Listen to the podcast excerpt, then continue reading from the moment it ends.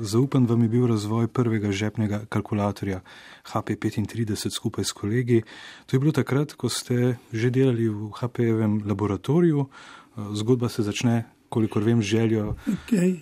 Hewletta, ki je želel napravo oziroma kalkulator, ki bi šel v žep srajce. In to je bil takrat kar velik izziv, že sam prikazovalnik, displej pa čipov. je. Kako ste se lotili tega razvoja? Ko sem prišel v laboratorij, med predtem je Hewlett Packard izdal prvi namizni kalkulator, ki je bil velik in je tehtal tam ne 20 kg. In en dan pride gospod Hewlett v laboratorij in je rekel, da bi bilo zelo fajn, pa da bi on želel, da vse te kile spravimo v njegov eh, srajčni žep. Dejansko smo vzeli meter in zmerali, kaj bi šlo v ta žep. In na bazi tega smo začeli delati ta kalkulator.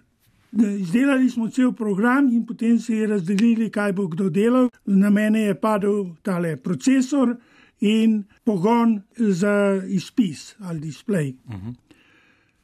Ker je pri HP-ju je bilo treba vse zmer doma narediti. In ta eh, kalkulator je zahteval ogromno enih novih iznajdb. Recimo, začeli smo LED diode, to, kar danes posod imate, ampak takrat smo jih naredili in so bile. Cela stvar je bila tako majhna, da številke ne bi niti videl. Zato smo mogli narediti lečo nad vsako to številko. Ta druga zgodbica, ki jo bi povedal, je, kako bilo, treba bilo narediti eno tipkovnico, ki je čim, čim tanjša, da bo, ker da bo čim manj prostora zauzel. In smo enkrat ga nekje mal pil, oziroma ne enkrat, pri HP smo imeli en, na vsake tri mesece, smo imeli tako rekoč zabavo zunaj in smo pivo pil. In se je nekdo igral s to pločevinko za pivo in to je delal klik, klak, ne, in tako je on prišel do ideje, kako bomo ta stikalo naredili. Aha. In ta razvoj je bil zelo hiter, v, v približno enem letu je bila ideja. in Od izdelek za- začetka do konca je bilo to narejeno mečken več kot eno leto do uh -huh. prodaje, ne samo uh -huh. razvoj. Začeli smo prodajati, septembra smo začeli delati, septembra naslednje leto smo imeli izdelek narejen. Uh -huh. Tako da je na sestanku upraviteljev podjetja je Hewlett dal vsakmu eno to enoto. Uh -huh.